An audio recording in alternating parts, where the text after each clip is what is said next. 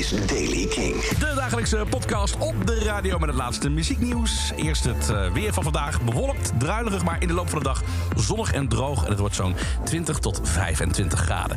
Nieuws vandaag over Green Day en over Metallica. En beide hebben te maken met het Lollapalooza Festival. Eerst Metallica. Niet alleen Kate Bush, maar ook Metallica genieten tegenwoordig van een heropleving bij een nieuwe generatie. Dankzij de hitserie Stranger Things.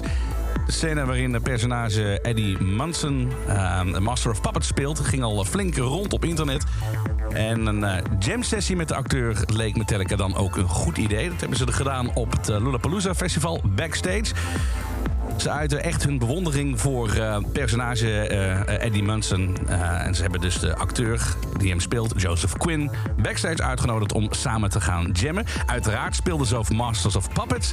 En als laatste kreeg de acteur een gitaar van de band met daarop de handtekening van Metallica.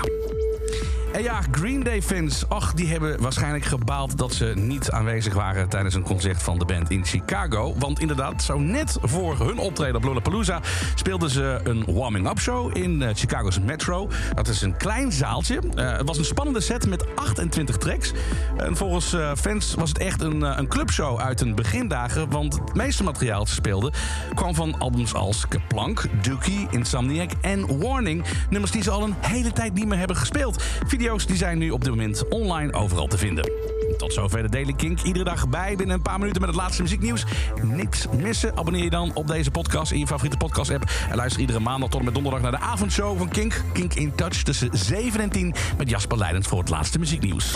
Elke dag het laatste muzieknieuws en de belangrijkste releases in de Daily Kink. Check hem op kink.nl of vraag om Daily Kink aan je smart speaker.